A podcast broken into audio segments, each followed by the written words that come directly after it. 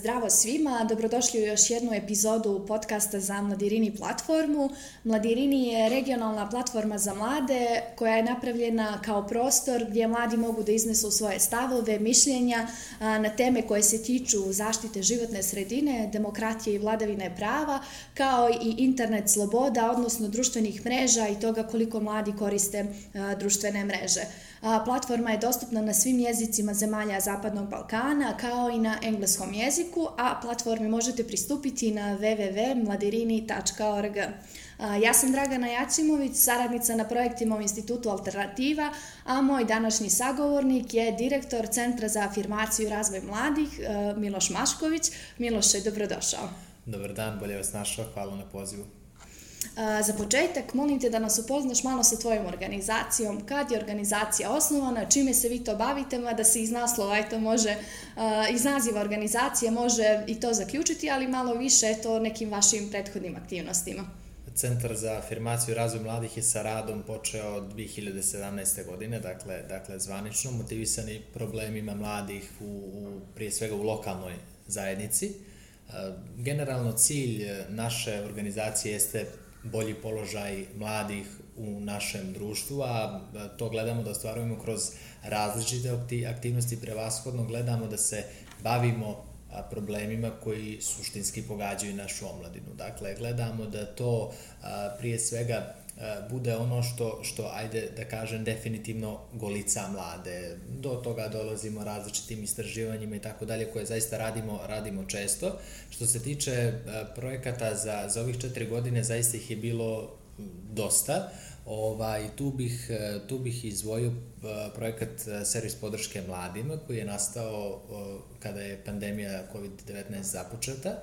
Dakle, u trenutku kada ni, ni država nije e, bila spremna da mladima pruži psihološku podršku, pa smo e, u to ima to servis podrške za mlade, u okviru kojeg su mladi osim e, besplatne psihološke pomoći koju su mogli dobiti telefonom, mogli dobiti i besplatnu pravnu i biznis podršku. Dakle, servis je funkcionisao gotovo godinu dana, dok država nije razvila svoju prosto platformu, kada je, što je potpuno prirodno, jeli, bilo manje interesovanje za, za, naš, za naš servis, tako da ovaj, servis je nažalost e, prestao sa radom, ali ono što je, što je jako dobro da u trenutku kada jeli, država nije, nije bilo u mogućnosti da tu uslugu mladima pruži, e, glavni grad Podgorice i kancelari za mlade glavnog grada su, su podržali taj, taj projekat, što institucionalno, što finansijski, kako bi to sve moglo da, da funkcioniše na, na, na valjan način. Tu je projekat Socijalni kapital u okviru kojeg nastojimo da se povežemo sa a, drugim nevladinim organizacijama, medijima i svim društvenim činiocima koji su važni za, za, za mlade ljude a, i da napravimo tu jednu socijalnu mrežu kako bismo jeli zajedničkim snagama doprinjeli što, što bolji, boljem položaju mladih i ono što trenutno realizujemo jeste projekat a, Mladi talenti koji ima za cilj da neafirmisanim mladim talentima pruži priliku jeli, za promociju, da po prvi put prikažu jeli, svoj, svoj talent široj javnosti i to kroz tri platforme, kroz um, mojih pet minuta, koji je kratka video emisija, kao što sam naziv kaže, jeli, od, od pet minuta, uh, kroz um, pisane priče koje se objavljuju na sajtu Centra za afirmaciju i razvoj mladih i kroz um, live nastup koji će biti sastavljen od, od svih uh, učesnika na projektu, uh, koji će se jeli, održati u onom trenutku kad nam to uh, jeli, epidemiološke uslovi budu dozvoljavali, a planirano je da bude za septembar 2021. godine. A, rekao si da, da, se, da je prvenstveno vama cilj da, da radite na unapređenju uh, uslova i položaja mladih uh, u Crnoj Gori. Reci mi šta ti vidiš, odnosno vi kao organizacija, šta vidite i šta smatrate da su najveći problemi mladih u Crnoj Gori trenutno? Pa definitivno kao, kao ključan a, problem mladih u Crnoj Gori izdvojio bih nezaposlenost. Dakle, visoka stopa nezaposlenosti koja u, u tom uzrastu od 15 do 30 godina iznosi čini mi se 37%, što je, što je jako visoko, zbog čega se javljaju e, drugi problemi, dakle, e, napuštanje zemlje, zapravo odliv mozgova, jer imamo ogroman broj stručnjaka, pogotovo e, ljudi iz, iz te naučne grane koji apsolutno nemaju prilika da, da svoje kompetencije nadograđuju u Crnoj Gori to rade negdje drugo.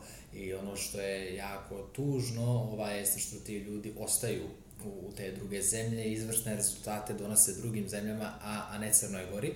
A, ono što, što bih još istakao osim nezaposlenosti jeste um, nedostatak prilika. Nedostatak prilika za mlade na sjeveru i jugu Crne Gore. Dakle, sve je nekako skoncentrisano na Podgoricu kao, kao centralni, centralni Crne Gore i glavni grad Crne Gore i najviše prilika imamo tu, a mladi sa sjevera, pogotovo sa sjevera Crne Gore su apsolutno zanemareni. Nastoji se jeli kroz različite projekte Evropska unija i civilni sektor da pojačaju određene aktivnosti u sjevernim i južnim opštinama, ali to je eto, bit ću slobodan da ocjenim, e, nedovoljno, jer mladima treba dati da se, da se, ono što ja uvijek volim da kažem, da se suštinski bave svojim problemima. Tako da generalno nezaposlenost i nedostatak prilika su dva najveća problema, mladi, problema mladi na koji mladi ne mogu da utiču, a mladi generalno u Crnoj Gori imaju jedan problem sobstveni koji pod hitno trebaju da promjene, a to je pasivnost. Mladi su previše pasivni, previše nezainteresovani za, so, za svoju budućnost. Dakle, imamo mlade ljude koji prosto ih ne interesuje šta će biti sutra, mladi ljudi koji ne znaju uh, jeli, kako, je, kako je uopšte situacija u njihovom, dru, u njihovom društvu, ovaj, mladi koji prosto uh, sami sebi uh, uskraćuju jeli, i prilike i mogućnosti tako što su, što su pasivni, prosto i nezainteresovani, nedovoljan broj mladih ljudi je uključeno u rad civilnog sektora, nedovoljno mladih je uključeno na kraju krajeva u političke partije koje direktno utiču na, na proces donošenja odluka u Crnoj. Tako da to je, to je nešto što podhitno treba da se mijenja, da se mijenja možda nekim e, kampanjama koje će civilni sektori ili sama, sama država, državne institucije da, da, da rade kako bismo motivisali mlade ljude da, da dođu prije svega da volontiraju, da upoznaju šta znači volonterizam, da uh, ih upoznamo sa dobrim stranama volontiranja, ja uvijek e, kažem i to uvijek volim da, da istekne pogotovo javno ono što mlade tu najviše interesuje kod volontiranja jeste da, da mladi imaju priliku kad negdje volontiraju imaju priliku to da formalizuju. Dakle imaju mogu da stiču neplaćeno radno iskustvo i da se ono jednostavno pravno, formalno računa kao i svako drugo radno iskustvo, tako da a, neka im, eto, barem to bude motiv da, da, da krenu, da se zainteresuju, da volontiraju nekim, nekim nevladinim organizacijama. Hvala puno što si podijelio to i taj svoj stav da mladi su pasivni po pitanju stanja u društvu, problema koji se tiču njih. Ja sam našla jedno istraživanje iz 2020. godine i ono je sprovedeno u cilju izrade analize upravo potreba mladih i tamo su kao ključni problemi navedene upravo ove koje si ti sad iznio. Između ostalog oni pominju i to što država se nalazi država je, ajde da kažem, zapela u borbi protiv korupcije organizovanog kriminala, što negdje po, kao posljedicu ima to što je nemaju mladi dovoljno povjerenja u sistem, nezaposlenost i sve ostale propratne, propratne stvari, ajde tako da kažem. Ono što je meni iznenadilo tada jeste da to istraživanje pokazalo da 60% mladih smatra da je ključna adresa za rješavanje tih problema vlada, što u suštini i jeste jer na taj način i trebaju da se rješavaju problemi, ali je čak 40% njih smatralo da oni probleme trebaju da rješavaju sami. Ti si mi već odgovorio negdje da to u suštini nije slučaj i da mi u praksi ne vidimo toliko da, da se mladi, mladi uključuju. Ali uh, ja bih tu, evo sad, sad ta pasivnost mlade ih ide do te mjere, recimo, dakle, za, za rješavanje problema u lokalnoj zajednici nije nam potrebna vlada, dakle, evo sad se radi na, na tome da će skoro svaka opština u Crnoj Gori imati svoju kancelariju za mlade. Podgorica je prije četiri godine, čini mi se, dobila prvu kancelariju za mlade i koja je tu da radi u interesu mladih glavnog grada. I recimo, većina mladih ljudi nema pojma da postoji kancelarija za mlade u koju oni mogu da odu i da kažu dobar dan, mi imamo problem taj i taj imamo i tu recimo projektnu ideju, mi bismo željeli to da radimo, jer Kancelarija za mladi ima svoj određeni budžet koji opredjeljuje za projekte mladih. Recimo, ja sam konkretno član savjeta za mlade glavnog grada i uh, mladi generalno ne znaju da je savjet jedno, jedno tijelo pri Skupštini glavnog grada uh, koje zaista ima mogućnost da utiče na donošenje, na donošenje odluka i da uh, direktno smo uključeni u taj, u taj proces kao delegati mladih ljudi. E, ono što, što mi pokušavamo i kroz savjet e, i kroz saradnju sa Kancelarijom za mlade koja je tu glavna na lokalnom nivou, jer Podgorica okuplja zaista ogroman broj mladih ljudi, ne samo, ne samo Podgoričana, nego ljudi koji dolaze iz čitave Crne Gore, pre svega zbog studija, ovaj, mi ćemo u narednom periodu uh, organizovati uh, dane otvorenih vrata i za Savjet za mladi, i za kancelariju, i za Centar za afirmaciju razvoj mladih i mladi će imati a, po prvi put priliku a, konkretno iz glavnog grada da dođu i da nam kažu koji su to njihovi problemi, a mi ćemo kao članovi savjeta da prvom narednom prilikom podnesemo inicijative koje su u 90% slučajeva usvojene i prihvatljive jeli, za, za glavni grad. Pomenuo si ranije da ste imali tokom prošle godine te servise podrške za mlade. Pandemija viru, koronavirusa je nekako prodrma, prodrmala cijelu planetu i nekako je poremetila način života svih nas. Šta misliš, koju posledicu je najviše imala pandemija virusa na mlade? Gdje, gdje je najviše ostavljeno traga? Pa, definitivno socijalna isključenost. Dakle, ja mislim da je i suviše, i suviše zuma i suviše svega onoga što je online. Dakle, mladi se sad nekvalitetno školuju u toj um, online zoni ovaj, i kada mladi trebaju sada da, da provedu po 5-6 sati ispred računara, pa sad onda trebamo mi iz civilnog sektora da ih zovemo na neke radionice ili uh, aktivnosti koje se, se dešavaju online, toga im je svima, svima preko glave. Mladi su ono što smo mi primitili kroz, kroz naš rad i kroz servis podrške mladima dok je bio u funkciji, jeste to da, da su mladi počeli da se da se bavi nekim, nekim stvarima i radnjama koje, koje nisu činili do, do trenutka pandemije i do, do tog trenutka potpune izolacije. A, moramo reći da je a, prošlogodišnji mjesec mart i april, maj, koji su bili mjeseci potpuno lockdowna, izuzetno uticali na, na, na psihološko stanje mladih ljudi, povećan je, povećan je procenat mladih ljudi koji se bore sa anksioznošću, što je, što je u krajnjem rezultatu uticalo i na njihove i na njihovo obrazovanje i na njihovu porodicu jer kako to ovaj kolege psiholozi iz, iz moje organizacije vole da kažu, nije problem anksioznosti, anksioznosti problem samo pojedinca, dakle to je problem i njegove čitave porodice, tako da to vuče samo jedan problem, jedan problem za drugim. Ovaj, mislim da, da, da se definitivno ovaj, država nije, nije snašla u, u, tom, u tom dijelu. Uh, online nastava je recimo konkretno kad smo se i te teme dotakli nego, nego šeta možda previše. Nema ovaj, veze, bitno je samo da se tiče mladih i e, sve možemo da komentarišemo. Ovaj, e, definitivno e, ta online nastava nije, nije kvalitetna. Dakle, mladi izlaze sa, sa pa, ja, pa, ni 30% znanja a, koje inače mogu da, da steknu, jer prosto nije taj, kad nema tog živog kontakta, tipa odluka, odluka vlade, ovaj, konkretno ministarstva, prosvete, kulture, sporta i, I nauke, nauke ovaj, koje se ovaj centar za afirmaciju i razvoj mladih oštro protivio uz jeli, centar za građansko obrazovanje i još pojedine organizacije koje se bave tim temama jeste održavanje eksterne mature koja apsolutno nije realno ni za ni za a, osnovce, ni za srednjoškolce. Dakle, ti ljudi apsolutno nisu pripremljeni. Mi imamo u organizaciji ovaj nekih desetak volontera e,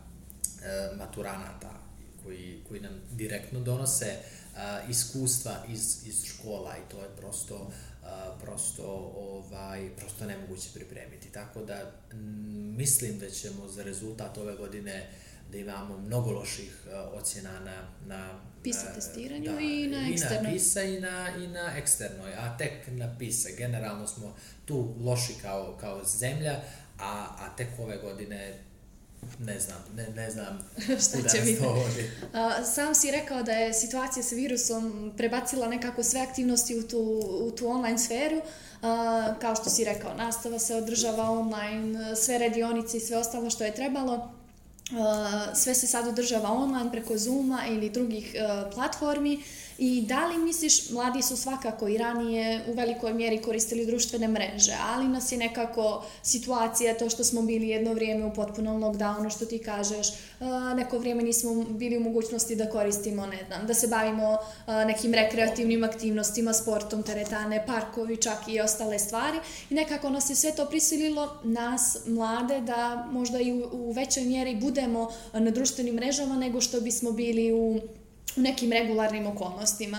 A, mi smo u decembru održali jedan sastanak sa mladima gdje smo upravo razgovarali o tome koliko oni koriste društvene mreže, šta vide kao dobre i loše strane društvenih mreža i o slobodi izražavanja na društvenim mrežama, budući da je to jedna oblast koja nije toliko uređena, oni su smatrali a, da su glavne loše, odnosno loše strane društvenih mreža to što uh, utiču na ljudsku psihu, prije svega kroz nerealne standarde, kroz uticaj poznatih ličnosti i to što stvaraju zavisnost. Uh, brz protok i dostupnost informacija također su svrstali u lošu stranu, a pogotovo iz razloga jer su mjesto gdje se lako i brzo šire neistine.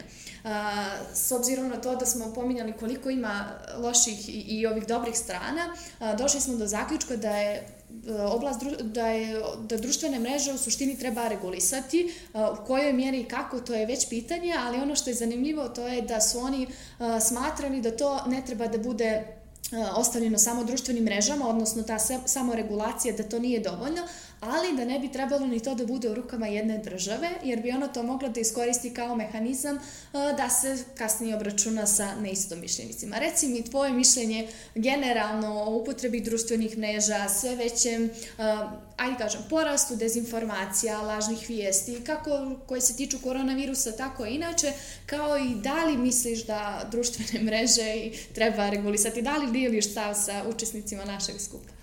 Ovako naoružan sam informacijama ovaj, vezano za, za barem pet stvari koje si spomenula u, u okviru svog e, izlaganja. Ovako, počeo bih vezano a, za promedijsku pismenost mladih. Mi smo ovaj radili ovaj tribinu medijske pismeni sebi drugima korisni koje, koje je prethodilo je istraživanje te medijske pismenosti. U maju mjesecu nas očekuje trodnevni seminar na tu temu. Uh, mladi su u Crnoj Gori potpuno medijski nepismeni. Mladi u Crnoj Gori u velikom procentu, sad tačno ne znam, ne mogu se sjetim, ali u velikom procentu nisu sposobni da spoznaju šta je istinita, a šta lažna vijest. Uh, naš stav, uh, stav Centra za afirmaciju i razvoj mladih jeste da je uh, internet zajednica i društvene mreže u Crnoj Gori uh, postala jedna, jedna ovaj, tako kancerogena zona da, da to prosto više nije normalno. A, naravno, zalažemo se za demokratiju i za slobodu govora, ali prosto a, moramo sankcionisati govor mržnje na internetu. Prije svega moramo da sankcionišemo govor mržnje u parlamentu, pa onda a, e, tek na internetu, jeli?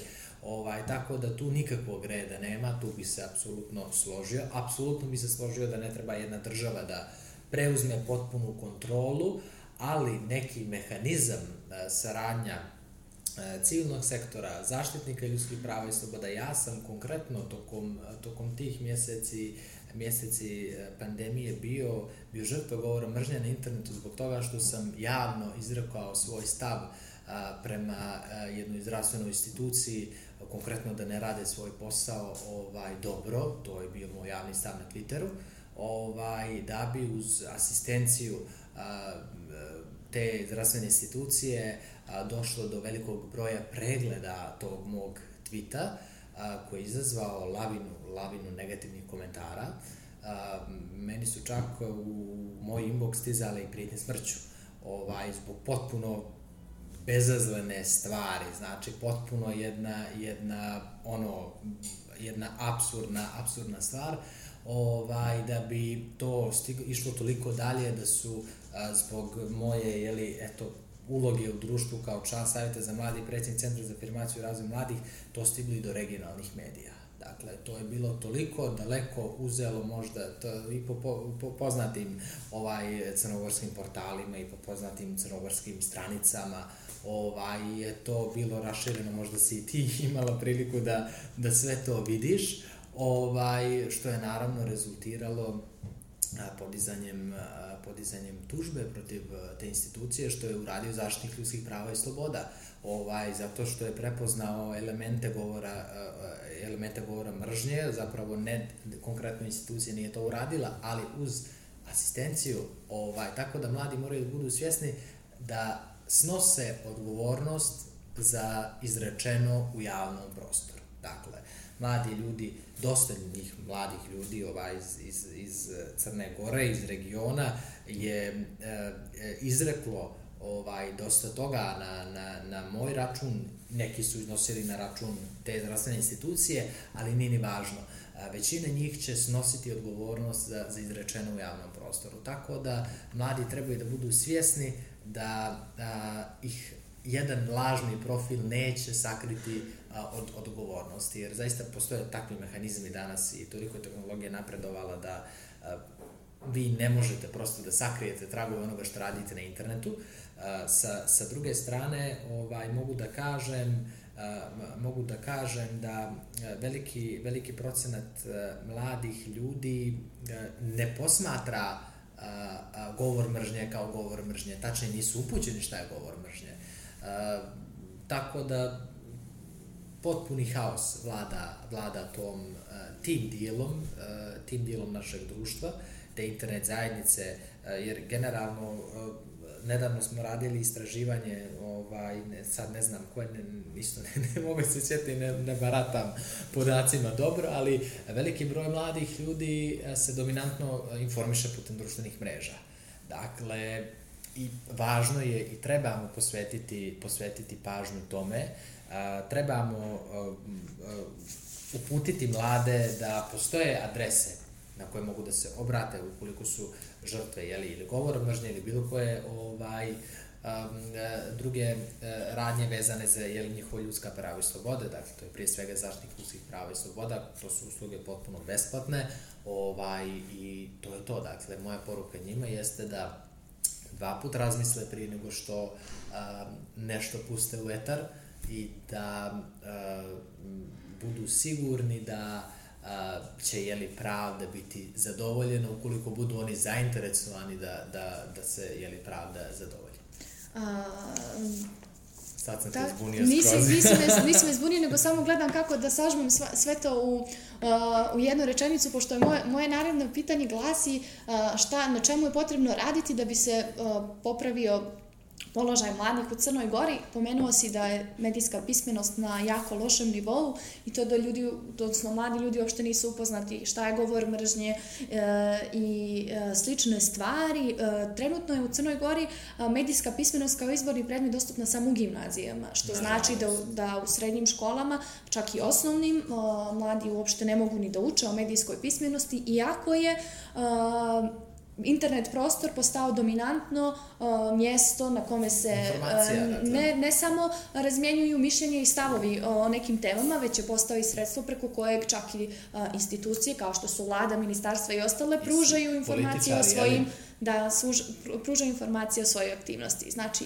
prva od preporuka, eto možda da zaključim uh, iz tvog izlaganja bi bila to da medijska pismenost treba da se radi na medijskoj pismenosti. Absolutno.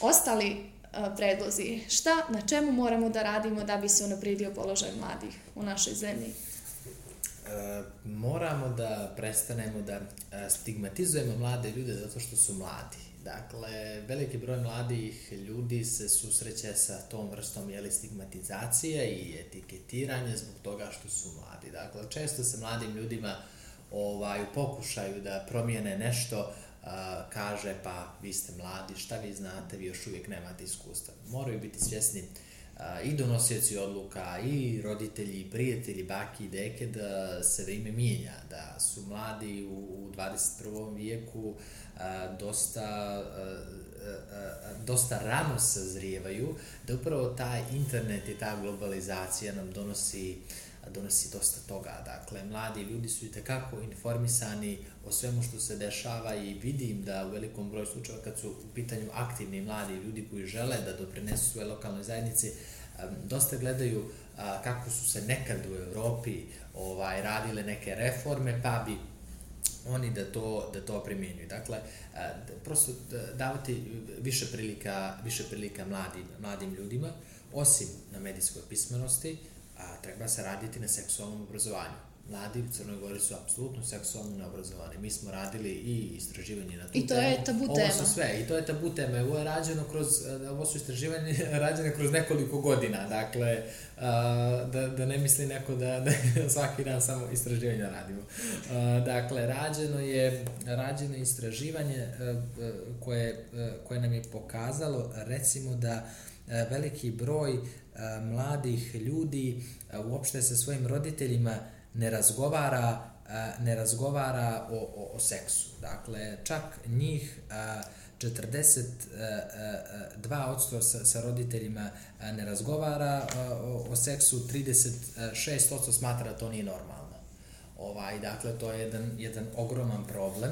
I u situaciji kada škola i obrazovne institucije ne pružaju takvu vrstu obrazovanja, a nemamo ni na drugoj strani saradnju, odnosno komunikaciju sa roditeljima, onda, a u, u, u, pritom sve to je i tabu tema, onda imamo imamo problem na kojem definitivno treba raditi. Mi radimo projekat poboljšanja položaja korisnika doma, dakle radi se na, na, u domovima širom, širom, širom Crne Gore. Studenta ili i učenika i, i studenta. Tu je, tu je jako izražen problem nedostatka seksualnog obrazovanja. Dakle, imamo mlade ljude ovaj koji, koji needukovani jako rano stupaju u seksualne odnose i dajte da o tome pričamo javno. Evo sad imamo priliku da, da kažemo da su mladi needukovani, da mladi se često informišu putem interneta, što zna da bude jako, jako pogrešno. Informišu se kroz društvo adolescenata gdje kruže potpuno pogrešne informacije. Ovaj, tako da, recimo, seksualno obrazovanje kao jedan od, od, od predmeta koji bi trebao da bude obavezan u, u jed, na jednoj godini srednje škole. Dakle, to je apsolutno to i naravno mehanizmi putem kojih ćemo doći do, do većeg procenta mladih ljudi koji su, su zapošteni. A, recimo projekat a, o stručnog osposobljavanja koji realizuje vlada Crne Gore, eto ti si sa stručnog osposobljavanja ostala da radiš u institutu alternativa, ovaj, veliki broj mladih, čak njih 50%, ostane da radi nakon, nakon stručnog osposobljavanja, ali nam je potrebno još. E, ne samo za visokoškolce, dakle imamo veliki procent mladih ljudi koji nisu e, zaposleni, koji nisu završili fakultet, već samo srednju školu. Dakle, treba, treba gledati nešto, nešto iza, iza te mlade ljude. Dakle, pronaći neke, neke mehanizme a, uključivanja u javnu upravu, možda na neke niže pozicije, tako da to je možda polje djelovanja instituta alternativa, tako da se nadam da ćete ovaj, u nekom budućem periodu razmotriti ovu moju ideju koja u sve u svemu moramo raditi na obrazovanju i moramo raditi na prilikama gdje mladi mogu da pokažu svoje znanje i naravno prilikama da, da, da se zaposle i samim tim uh, pokažu, pokažu koliko mogu, a ja sam sigurna da mladi, da mladi stvarno mogu. Za kraj, reci mi koje su neke od narednih aktivnosti koje planirate? Već si pomenuo neku radionicu, ali je to onako okvirno, šta to mogu mladi da očekaju, da očekuju budući da, da, da spremate nešto za ovaj naredni period? Ovaj, sada će, uh, mislim da će, da će baš brzi dana ovaj, uh, izaći rezultati istraživanja vezano za imunizaciju mladih protiv COVID-19 i njihove zainteresovanost, nezainteresovanost i generalno uh, pitanje povjerenja mladih u nauku, u vakcini i tako dalje, tako da, da to planiramo uh, za, za svega nekoliko dana da prezentujemo javnosti. Uh, što se tiče projekata, to je projekat tolerancije i različitosti na koji ćemo uh, nastaviti da radimo, određene aktivnosti smo već uh, započeli, ali se planira, dakle, do sad smo u okviru tog projekta uh, ispitivali kakvi su stavovi mladih uh, povodom uh, vjerskih, nacionalnih, političkih, seksualnih, rasnih i svih drugih različitosti u Crnoj Gori, dakle kroz a, socijalni eksperiment koji je rađen, kroz istraživanje i kroz dvodnevni seminar gdje smo aktivno prikupljali informacije od mladih ljudi i na bazi toga je trenutno u procesu su kreiranje konkretne aktivnosti radi jeli, u cilju smanjivanja jaza između, između svih tih različitosti u, u našoj maloj Crnoj Gori. Planirano je i da u narednom periodu nastavimo sa realizacijom projekta Mladi talenti, dakle kroz naredni period i, to je prosto to što sad znam i što mogu da kažem, pandemija dosta toga mijenja, a, dosta toga diktira i ja i generalno Centar za afirmaciju i razvoj mladih nismo neko ko će na sva zvona najavljivati nešto što se možda neće desiti. Dosta mi toga kuvamo u našoj, u našoj e, kuhinji, tako da ajde da, da vidimo što će pandemija da odradi, pa da, da možda nekom narodnom prilikom pričamo još više, ako može više od ovoga. ja se iskreno nadam da će vam sve aktivnosti biti uspješne i jedva čekam da vidim rezultata, rezultate istraživanja i da vidim kako mladi razmišljaju ovaj, o imunizaciji, odnosno o vakcinaciji u Crnoj Gori. Želim da ti se na kraju zahvalim što si učestvovao u ovom podcastu. E, što si nam iznio neke e, stavove, nalaze istraživanja koje ste radili do sada i što si uopšte pristao da pričamo na temu e, koja se tiče mladih, mladih ljudi. Hvala još jednom u, moje lično ime, u ime Instituta Alternativa, a posebno u, u zahvalnost u ime regionalne mreže Think for Europe u okviru koje smo i snimili ovaj, ovaj podcast. Hvala ti još jednom, a podcast možete poslušati na www.mladirini.org. Hvala svima, hvala tebi na, na pozivu i nadam se da će biti još uh, više ovakvih projekata i prilika da se o važnim temama razgovara, da to uh, čuju šire mase. Hvala. Hvala, a vi nas možete slušati svakog četvrtka u 12 sati.